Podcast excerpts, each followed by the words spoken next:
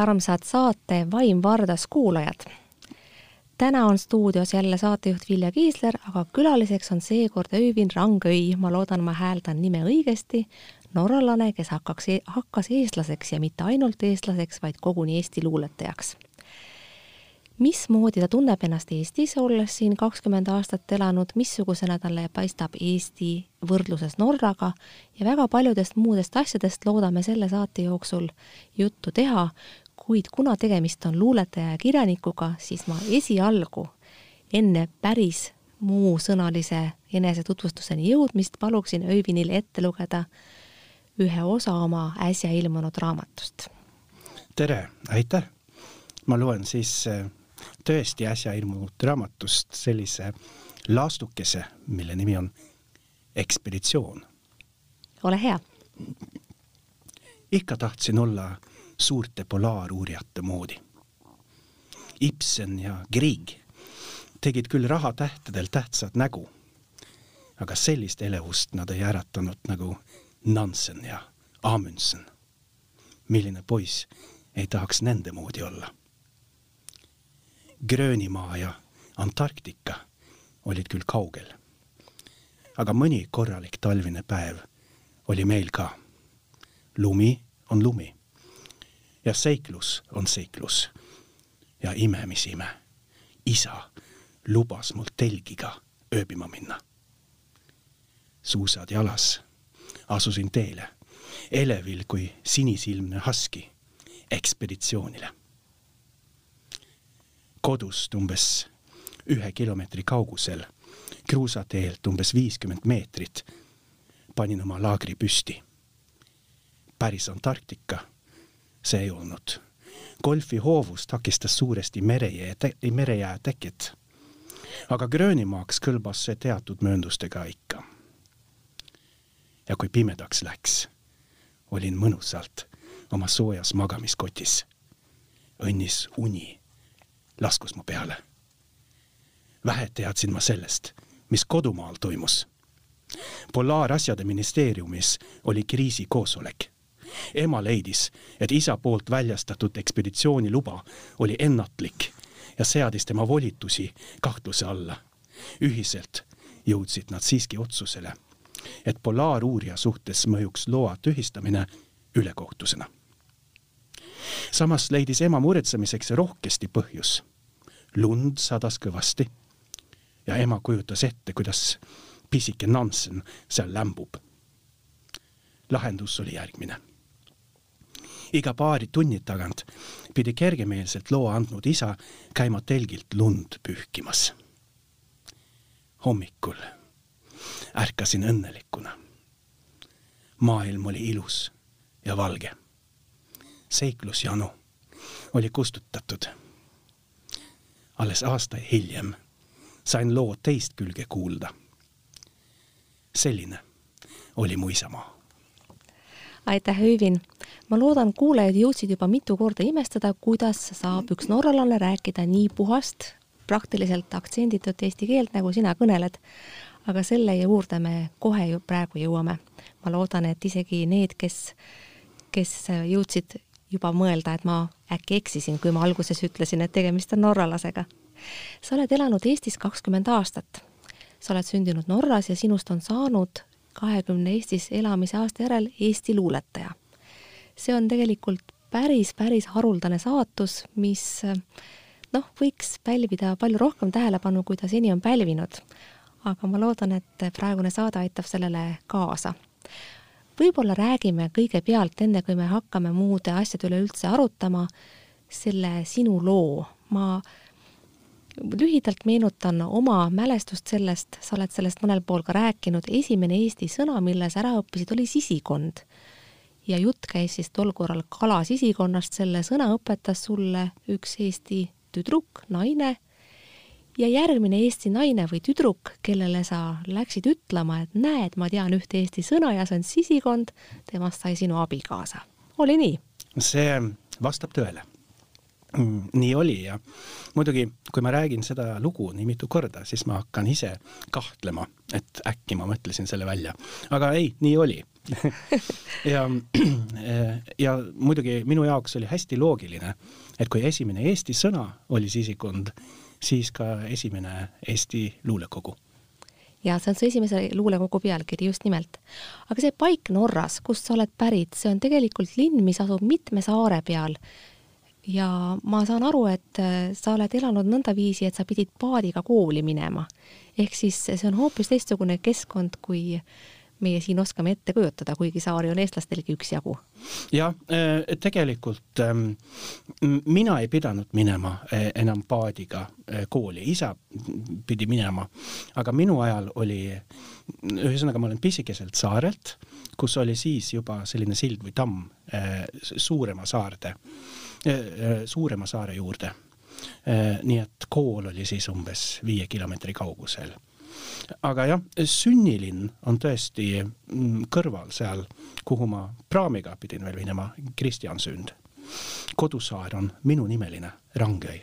kusjuures sinu nimi on tegelikult veel kahekordselt seotud merega, sa oled kirjutanud olen oma Norra nime poolest mõlemast otsast saar, palun seleta seda jaa äh,, väga lihtne sõnamäng, et öi ongi norra keeles saar nii et Öivin Rangöi, ta algab ja lõpeb saarega ja ma kahtlustan, et, et ka minu elu. Ei ole, ei ole sugugi tavaline, et üks inimene, kelle saatus on saada luuletajaks, on töötanud oma elu jooksul kalatööstuse kvaliteedijuhina. ole hea, räägi sellest mõni sõna. no haridusest võiks ju alustada siis, et ma õppisin äh, Äh, eesti keelt võõrkeelena Eestis, nii et ma olen norralasest Eesti filoloog, mm, vist ainuke tõesti. ja siis ma õppisin veel äh, Norra, Uus-Norra kirjakultuuri, see on mul magistriõppes ja mul on vandetõlgi eksam, nii et kogu valmis, ettevalmistus on ju siis olemas selleks, et olla kalatööstuse kvaliteedijuht, selge see. mina olen seni aru saanud, et sa töötasid kalatööstuses enne, kui sa tulid Eestisse õppima, aga tegelikult oli vastupidi. tegelikult oli vastupidi. Äh, aga oli nii ja naa. Äh, selles mõttes, et ähm, seesama kalatööstus oli teismeeas igasuvine äh, lisateenistus ja samuti ka Eestis õpingute ajal käisin äh, Äh, suviti Norras lõhet rookimas. nii et, et side selle ettevõttega oli täiesti olemas. ja oma tõlketöös olin kvaliteedisüsteemidega kokku puutunud.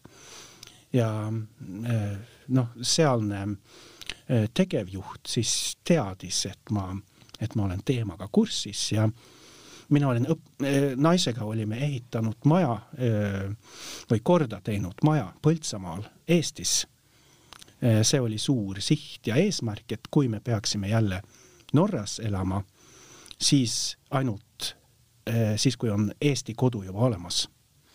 ja kui Eesti kodu oli olemas, siis oli vaja seda maksta.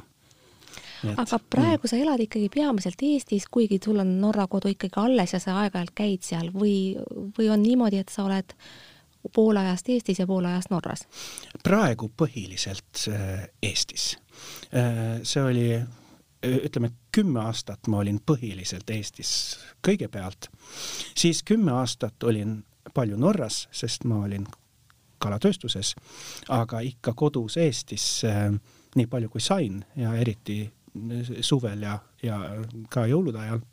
ja nüüd jaanuarist on taas vastupidi, et ma olen Tartu Ülikooli norra keele lektor see on mulle teada ja selle, selleni võib-olla jõuame veel ka mõnest muust aspektist, sa oled maininud oma abikaasat mõne korra. ja et äh, tema on kuidagi ka seotud sinu eestlaseks saamisega, kuna tema oli esimene, kes kuulis sinu esimest eestikeelset sõna. Kas oleks võinud minna niimoodi, et kui sa Eesti naisega kokku poleks saanud ja armastus poleks lahvatanud, siis oleks läinud kõik teisiti ähm,? kahtlemata on see nii et ähm, mm, võib arvata, et keeleni ma oleks ehk äh, nii või teisiti jõudnud. vabandan. Äh, aga äh, tõepoolest kokkupuude Eestiga oli, oli isiklik. oli, oli tema, mu tulev abikaasa ja, ja ka teine eestlanna, kus me olime aasta aega mm, Lõuna-Norras tegelikult piiblikoolis oli see. ja ilma selleta ma, ma ei näe, kuidas ma oleks Eestiga seotud kui kergesti või raskesti eesti keel sulle nii-öelda külge jäi, kui sinust on tänaseks saanud Eesti luuletaja, siis peab sinust teatav keeleline andekus olema juba olemas algusest peale, aga eestlastele meeldib kohutavalt mõelda, et eesti keel on üks väga keeruline keel, seda on eriti raske õppida. kuidas sinul oli? siis ma pean ka muuhulgas pettumust valmistama, sest minu jaoks ähm, ei olnud väga raske. Äh, ja ma, ma ei tea, ma, ma ei taha ju sellega lihtsalt ennast kiita, et näe, kui, kui andekas õppija ma olen, ma usun, et, tihti on kinni ka selles ettekujutuses, et, et eesti keel on nii raske. Äh, võib-olla indoeurooplastele on ta teatud mõttes väga teistmoodi, et grammatika on nii erinev, et on mõned ähm,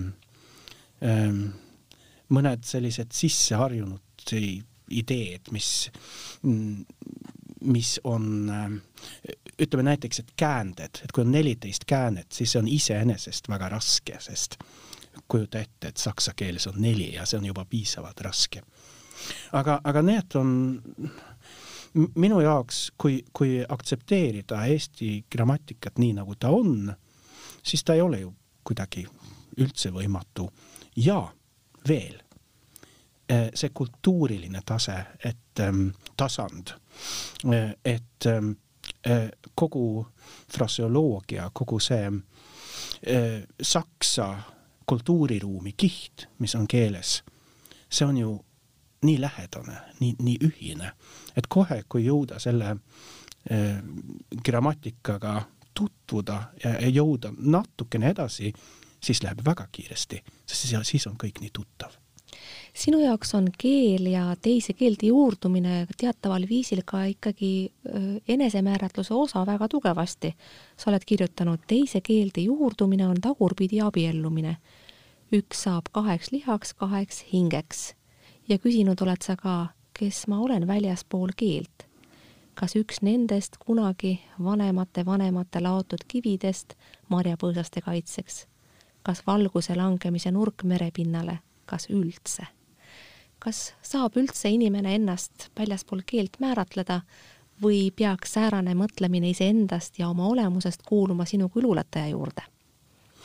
ma, ma, ma sealsamas tekstis küsin, eks ole, lõpuks, kas, kas ma olen siis lihtsalt see, kes näeb und, sest ma arvan, et und võib näha ka ilma keeleta. ja, ja ilmselt sa, sa oled keegi ka ilma ke keeleta, selle, selles ma ei, ei kahtle. aga määratlemine, see on siin, et, et määratlemine tundub olevat nagu keeleline tegevus. nii et kuidas sa üldse kujutad ette millegi määratlemist ilma keeleta. aga samas abstraktset keelt pole ju olemas äh, või abstraktne keel oleks ainult abstraktselt olemas. Äh, ja äh, siis järelikult see peab saama mingi kuju, äh, kas ühes või teises keeles. ja äh, see, et mul on, on kaks äh, oma keelt nii-öelda, on muidugi sundinud mõtlema sellele, et mõte ei ole kunagi täpselt sama.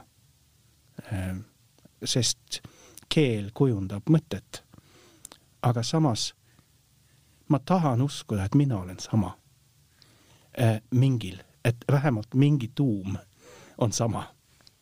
sa mainisid und ja unenägemist, ma ei hakka siit võib-olla minema Gustav Suitsuni ja teiste kirjanduslike paralleelideni, vaid küsin pigem hästi lihtsalt, kummas keeles sa und näed?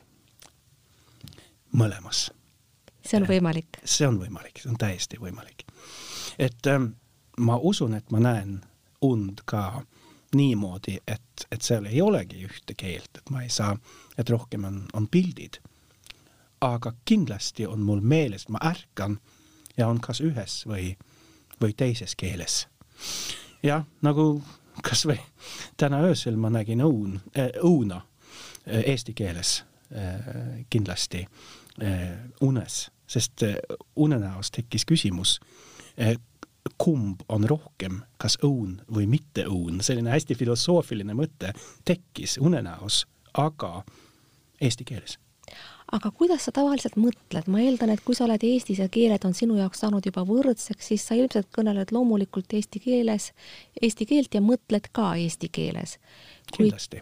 ja samamoodi Norras viibides täiesti normaalsel viisil teistes, noh, samamoodi ja ei teki mingit vastuolu. aga pigem tahtsin ma jõuda sinnamaani, et kui sa viibid ühes oma keeles, ühel oma kodumaal, kas sa teise järele igatsema ei hakka? paljud inimesed kõnelevad sellest, et võõrsil viibides ükskõik kui hästi nad keeli ka ei oskaks, võivad nad ikkagi oma emakeele hakata, järele igatsema hakata, mina olen seda kogenud ähm,. ma ei ütle, et ma, et ma üldse ei igatseks. Aga ma arvan samas, et tänapäeval on mul võimalik viibida nii palju äh, enam-vähem paralleelselt mõlemas keelekeskkonnas sest ähm, kogu aeg käib mul suhtlus äh, norralastega, eestlastega, äh, digitaalselt, äh, kirjas, häälega. mul on kodus tavaliselt ikka inimene ja inimesed, kellega ma saan mõlemas keeles rääkida. nii et ma ei jõua võib-olla puhtalt keelekeskkonnast puudust tunda aga inimestest muidugi võib. ja arusaadav. sa tõlgid ja sa tõlgid mõlemast keelest eh, mõlemasse keelde, mis on tegelikult haruldane, sest neid inimesi, kes kahte keelt peaaegu emakeeled vääriliselt oskavad, on ju vähe. Siiski, kas sinu jaoks on vahet, kumba pidi tõlkida, kas ühtepidi on kergem ja teistpidi raskem või, või pole siin üldse säärast erinevust? kindlasti on normaalolukord on ju tõlkida emakeelde. aga sinul on ju teistpidi ka. aga mul on teistpidi ka. ja, ja äh, esimene vasikas, mis siiski täiesti aia taha ei läinud, oli ähm, Knut Ödegori luuletuste tõlkimine äh, eesti keelde ja loomulikult ma, ma väga pabistasin, et äh, umbes nägin vaeva selle mõttega, et kas ma tohin, kas sellist asja on, kas on kohane, kas äh, ja noh, kuna mul oli pädev toimetaja Veronika Kivisilla, siis ma nagu julgesin, et ja tuli välja ka, nii et siis ma mõtlesin, et võimalik on. Aga kas on, kas on kergem või raskem? ma usun, et ähm, äh, protsess iseenesest ei pruugi minu jaoks raskem olla eesti keelde tõlkides. aga ma siiski sõltun siis rohkem teiste inimeste hinnangust, sest äh, ma võin arvata, et ma tean, kuidas see võib kõlada eesti keeles, aga samas tõenäosus on suurem, et ma eksin eesti keeles siiski. nii et ma ei saa väita, et ma, et ma valdaks ta täiesti emakeele, emakeelega samal tasemel alati. aga ometi otsustasid sa luuletusi kirjutada just eesti keeles või on kuskil ka norrakeelsed luuletused, millest ma juhtumisi ei tea midagi ähm,? on no näed ähm,. aga luuletamisega on selline lugu, et ähm, äh, kaks tuhat viis oli umbes, kui ma tõlkisin Kristiina Ehini luuletusi äh, norra keelde ja enne seda mul isiklikku suhet luulega ei olnud. nii et äh, selleks, et äh, julgeda tõlkida luulet üldse, pidin endale selgeks tegema, mis on luule. Ja siis ma hakkasin katsetama. ja katsetused olidki siis norrakeelsed. esimene õnnestunud luuletus on Lõhe rookimisest ähm,. aga kogu selle aja jooksul ja eriti aktiivselt viimase kümne aasta jooksul olen kogu aeg kirjutanud norra keeles palju. on ka olnud nagu julgustajaid, kes on tahtnud, et anna raamat välja ja ja aga noh, ma tahan, et kui tuleb raamat, et ta oleks korralik ja ma arvan, et ma julgen öelda, et ta on nüüd äh, ka norra keeles üsna lõppfaasis, et, et, et läheneb tõesti see, selle luulekogu ilmumine. et tuleb ka norrakeelne luulekogu? tuleb norrakeelne luulekogu. kes on näiteks Sisikonda lugenud, et siis võib ju arvata, et autor on sama, et midagi ühist seal on, aga samas Norra luulekogu tuleb äh, täiesti teine raamat. ja põhjus ei ole selles, et ma, et ma kahtleks e-, Eesti raamatu kvaliteetides, vaid see, et Norrast vaadates on teine perspektiiv. nii et norralastele tuleb teistsugust raamatut kirjutada. Arusaadav, nimetagem siinkohal siis ära ka, sinu esimene luulekogu oli Sisikond, selle eest said sa Betty Alveri preemia. Siis oled sa välja andnud ühise luulekogu koos Veronika Kivisilla ja Adam Kallaniga, Kolm sõlme, ja äsja ilmunud siis on sul jutukogu Oled ikka veel see väike poiss, millest on aru saada juba esimesel lugemisel, et selle on kirjutanud luuletaja, mitte proosakirjanik, tekst on erakordselt poeetiline. Ja muide ka väga tugeva eetilise vundamendiga. Ma mõtlesin seda lugedes, eh, kas on see mingi säärane sinule eriomane eriti tugev eetiline hoiak, ausus, sellised äh, väga tugevad väärtused või on see midagi, mis iseloomustab rahvast, kelle hulgas sa sündisid? Kas on võimalik sellele vastata, on, on esimene küsimus, mis mul tekib. sa võid sest, sellele ju äh, vastata ka võrdluses, eestlaste ja norralaste võrdluses, sest tänaseks tunned sa eestlasi juba nii palju hästi, et nende eetilisi vundamente äh, norralaste omadega võrrelda peaks olema sulle jõukohane ülesanne. jah äh,, ma võin ju lugeda siin äh, raamatu tagakaanel on, on tsitaat, mida Pilleriin Larm tegelikult kirjutab siis äh, sisikonna kohta, aga see sobib ka selle kohta, et et tema maailma nägemis- ja kujutamisviis on üllatavalt kaugel heaolu, heaolu ühiskonnale iseloomulikust pseudoprobleemistikust.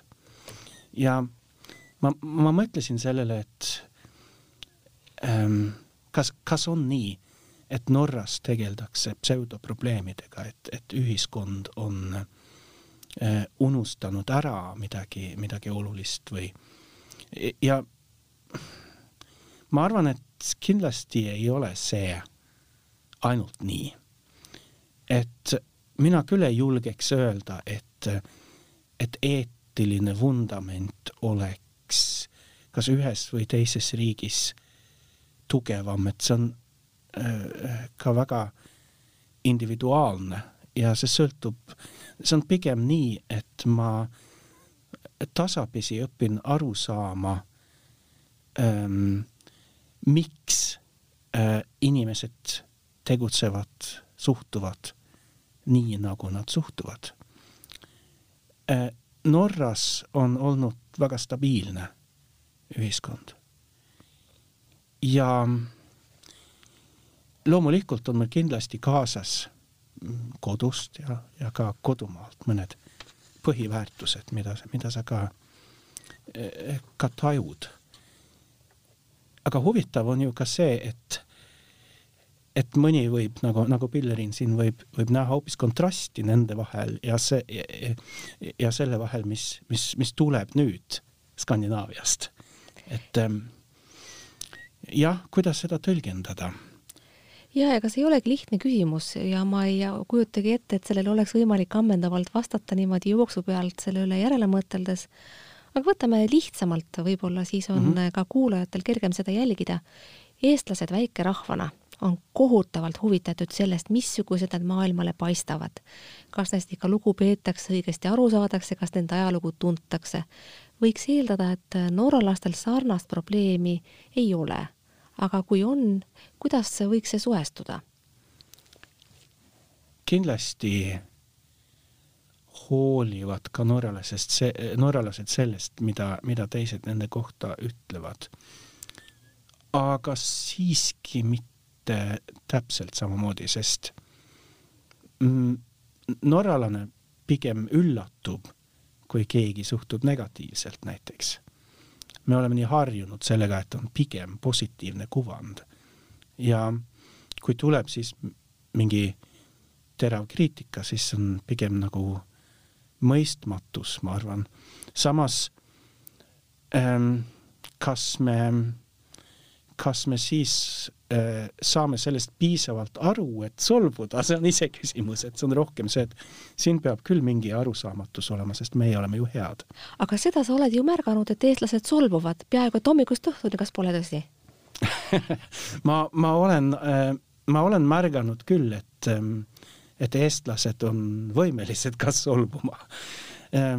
aga samas äh, on ka eestlastel äh, üsna pragmaatiline äh, arusaam sellest, et, et Eesti on väike, nii et, et ma arvan, et see küll ei üllata eestlasi, kui näiteks keegi ei tunne äh, olusid. Vaatame veel võrdlusi võib-olla ka val-, valdkondade kaupa, sa ise oled käinud piiblikoolis, mis tähendab seda, et äh, Jumalaga seotud asjad ja jumalik maailm on sinu jaoks relevantne kogu aeg olemas, ma teen sellise järelduse, võib-olla meelevaldselt.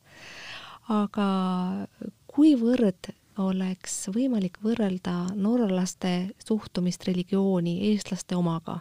siin kujutavad ju kõik ette, et noh, enamik inimesi ei ole ühegi konfessiooniga seotud ja pigem arvatakse, et küllap kuskil midagi on, aga täpselt ei tea, mis see võiks säärane olla. jah, see on küll, on küll huvitav küsimus. Ähm, ma arvan, et ähm, ühest küljest on norralaste ähm, seos äh, kirikuga Äh, religiooniga, traditsioonidega, luterlusega, kõik, mis kristlusega seostub, on äh, kuidagi loomulikum, orgaanilisem ähm,. et äh, norralane võib mm, vastanduda küll äh, religioonile ja Norra on ju ka üsna sekulaarne ühiskond praegu äh,. aga, aga ta siiski saab ähm, aru äh, kiriku positsioonist teistmoodi kui Eestis, seda ma tajun, et, et äh, Norras on äh, see nii-öelda rahvakirik palju rohkem ajaga kaasa läinud sa viitad ähm, sellele, et Eesti kirik, hoolimata sellest, et ta on väga aktua-, aktiivne ühiskondlikes debattides, on mõnevõrra ajast maha jäänud, liiga konservatiivne, saan ma õigesti aru? Äh,? saad õigesti aru, et äh, äh, kas ma nüüd hakkan siin äh, otsustama, mis on kellegi jaoks, et, et minu jaoks küll on, on Eesti kirik äh, ajast maha jäänud evangeelne luterlik kirik siis eelkõige? siis ma räägin luterlikust kirikust, jah mm. -hmm. ja ähm, võib-olla selles mõttes, et ähm, ta on äh, võib-olla ka nurka mängitud mõnes mõttes, aga saanud osa sellest mingisugune, mingisugusest väga polariseerunud äh, arutelust, kus mõned küsimused, mis ei ei tohiks olla nii kesksed, muutuvad väga keskseteks. sa viitad sisuliselt aktuaalsetele poliitilistele debattidele.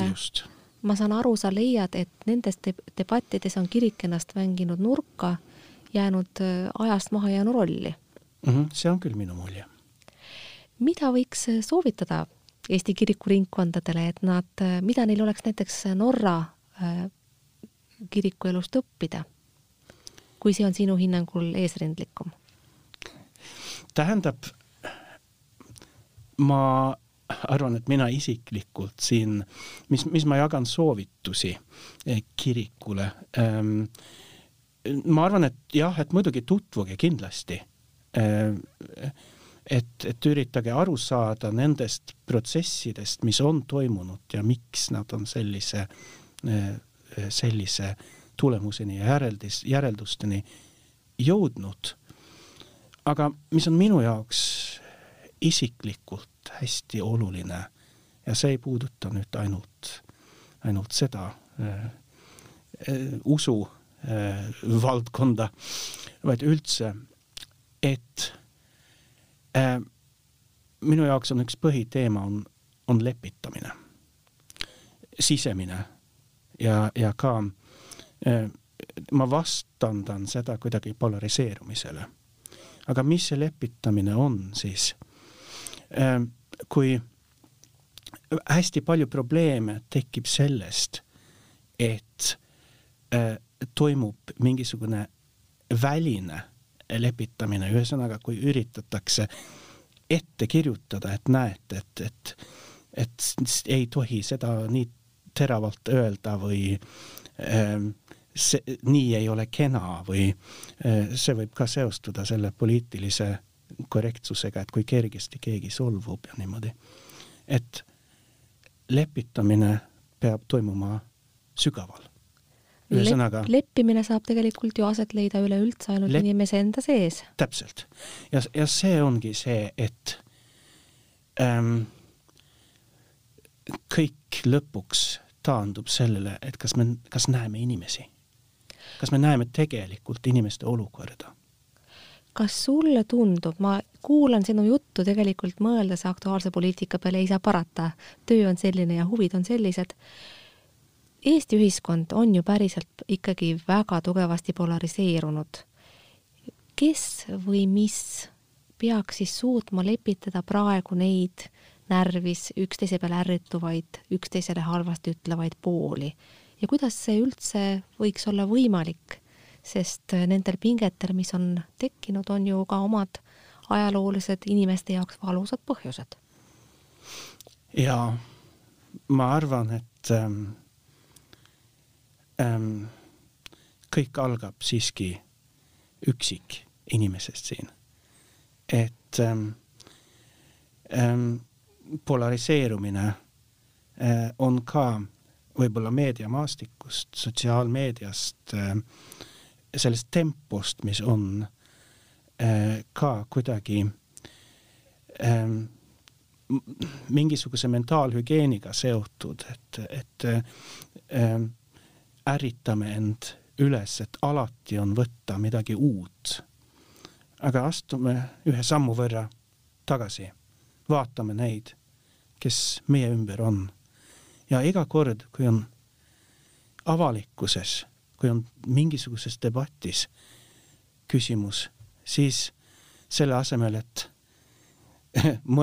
mõelda kõigepealt argumentidele, mõelgem inimestele, mõelgem nendele, keda see puudutab.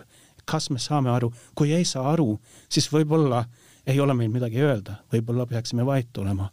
aga kui saame natuke aru, siis alustagem sellest seda ütlesid sa väga kaunisti, mul on väga hea meel, et sa niimoodi väljendasid.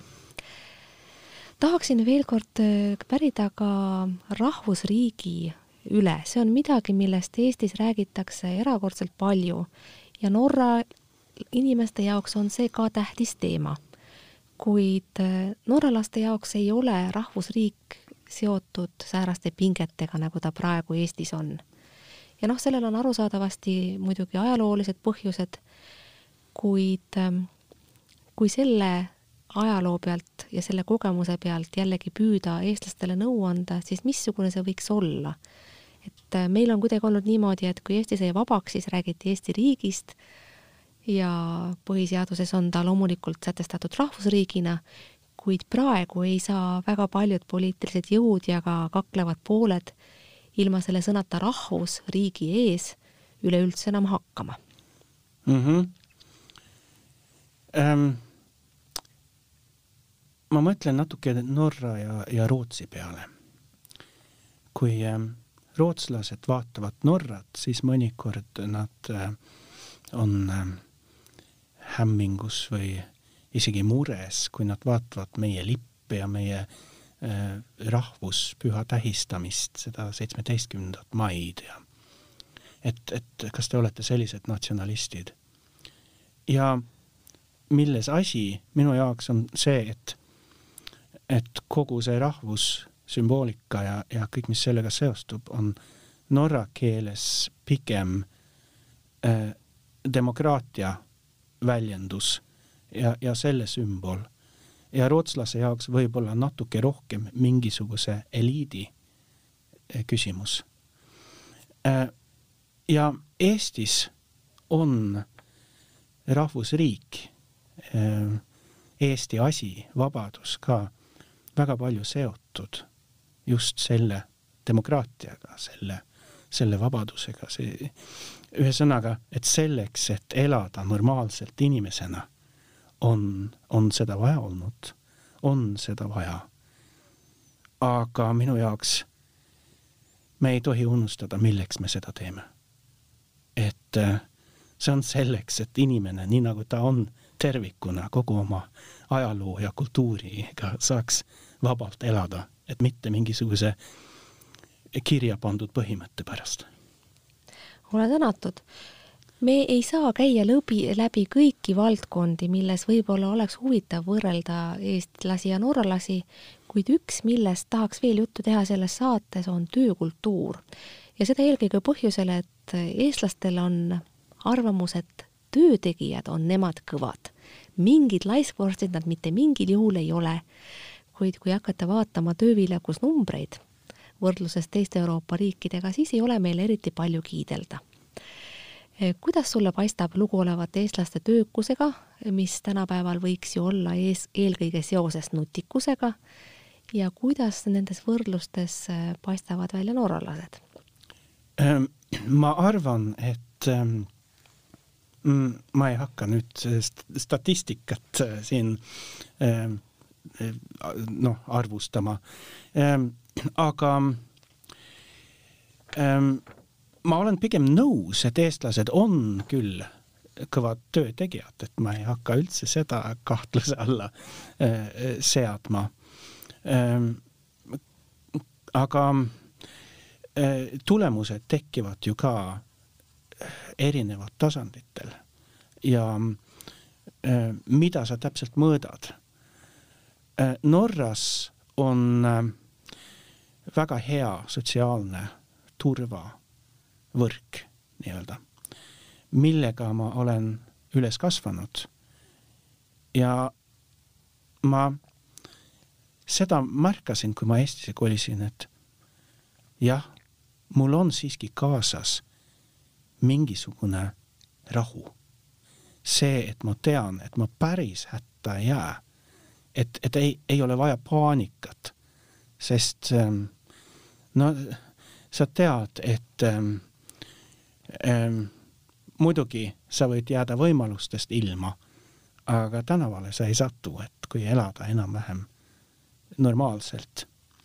ja, ja see, see teatud rahu, äh, mis Norra Äh, sotsiaalse äh, tagatistega heaoluriik annab, on, no soodustab pigem tööviljakust minu silmis. samas Norras võtavad asjad väga palju aega. on süsteem hästi välja kujunenud, settinud kuidagi ja see võib mõnikord ähm, innovatiivsust pidurdada. ühe näitena võtan ID-kaardi. Eestis tuli kasutusele isikutunnistus kas aastal kaks tuhat kaks umbes minu mälu järgi umbes seal, aga ja. ei julge igaks juhuks öelda, kas päris kindlasti. ja äh, Norras äh, Pole siiamaani. Pole siiamaani, et võib-olla nüüd tõesti selle, nüüd, nüüd, nüüd tuleb, et ühesõnaga, kas selle aasta raames või, või uuel aastal, aga nüüd jõuame selleni. Ehm, mi-, milles asi? no mm, näiteks äh, isiku andmekaitse kõik, eh, kogu sellega seotud probleemistik, siis muidugi see, et eh, liikuv märk, et kogu aeg uued lahendused, siis kellegi käest vaja arvamust küsida, siis uuesti. ja need protsessid on hästi põhjalikud, hästi pikad. ja tulemus on hea juhul, kui äh, kui valdkond, kui seda soodustab, näiteks kui, kui linna arendada, siis ju tavaliselt sobib nii, et on hea, et meil on see rahu. samas, kui puudutab tehnoloogiat, siis see teeb asja võimatuks mõnikord. ja seal on Eestil see e eelis, et on võimalik kiiremini mõelda, kiiremini tegutseda, et asjad ei ole nii välja kujunenud ja, ja see on ka asi, mis mind jälle Eestis tihti inspireerib, et okei okay,, et me, et võib-olla kõik ei ole nii läbimõeldud, aga sellepärast saame ka vabamalt mõelda. Öövin, suur tänu sulle arutluse eest, ma tahaksin sind kiskuda veel viimasesse mõttekäiku, siis ma arvan, on meie aeg enam-vähem ümber. Ja see võiks olla selline isiksuslik aspekt, mitte et ma nüüd tahaksin, et sa hakkaksid kirjeldama, eestlane on selline ja norralane selline, vaid pigem sellest aspektist, et meil on praegu väga raske kriis, tervisekriis. Ja kriisides paistavad inimlik, inimese inimlikud omadused tihtipeale palju selgemini välja. mulle tundub Eestis süvenevat järjest see tendents, et vastutuse toimuva eest peaks võtma riik, mitte mina ise, mitte mitte mina ei pea teadma, kas ma pean kandma maski, mitte mina ei pea teadma, kuhu ma õieti lähen ja kas see on ohutu mulle ja minu lähedastele, vaid riik peab seda mulle ütlema ja see on midagi, mis minu jaoks Eesti ühiskonnas on uus ja ma pean tunnistama, ma ei mõista seda.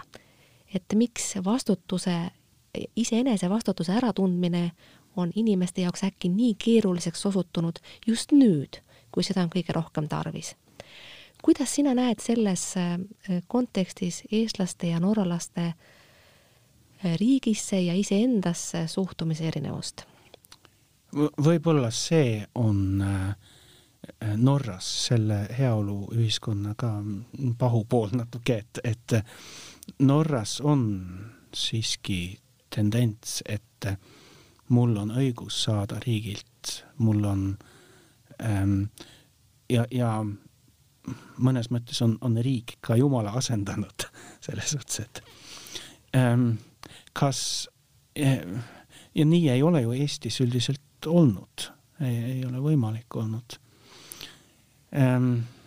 jah, ma, ma tajun ka seda, et märkad, on ju? märkan, et, et võib ähm, ähm ja no ma mina pigem tuletan meelde eh, oma, oma isa kunagi tarkustera, et kunagist tarkustera, et, et eh, kui sa tahad seadust rikkuda, siis vaata, et see oleks ohutum kui seaduse jälgimine see on ju päris hea, kuigi väikese trikiga põhimõte. Öövin, ma olen sulle selle jutuajamisest väga tänulik ja ma usun, et neid asju, millest me võiksime täna siin veel juttu teha, oleks väga palju. aga inimesed väga pikki saateid ei kuula, sest tõmbame siinkohal joone alla ja mul on palve siis lõpetada sul see saade ühe luuletusega. ma saan aru, see on pärit sinu ühiskogust Adam Kallani ja Veronika Kivisillaga, kannab pealkirja Kolm sõlme. jaa ähm see on üks tagasivaade lihtsalt, lõpetuseks. ole hea. kord vaatan tagasi, mõtlen, selle elu olen elanud. siis nutan jõgesid, siis naeran linde, siis lasen nahast lahti ja lendan üle merede kui mõte ja maandun õõtsuva lehtadru vahele kui suur leppinud hulluse tunne ja puiduna paika paisunud armastus. ja seal, vees ja päikese valguses ilmub pilt. lõplikult vaba sellest, mis teoks ei saanud. Öövin suur-suur-suur tänu selle kohtumise eest, head sõbrad, see saade oli jutuajamine norralasest Eesti luuletaja Öivind Rangõiga, kelle ilmus alles äsja raamat, mille leiate loodetavasti juba raamatupoodidest, kui otsima lähete. aitäh, et kuulasite, kuulake teinekord jälle, järgmine saade on juba kuu aja pärast ja saatejuht on ka siis Vilja Kiisler. Kuulmiseni, nägemiseni! aitäh!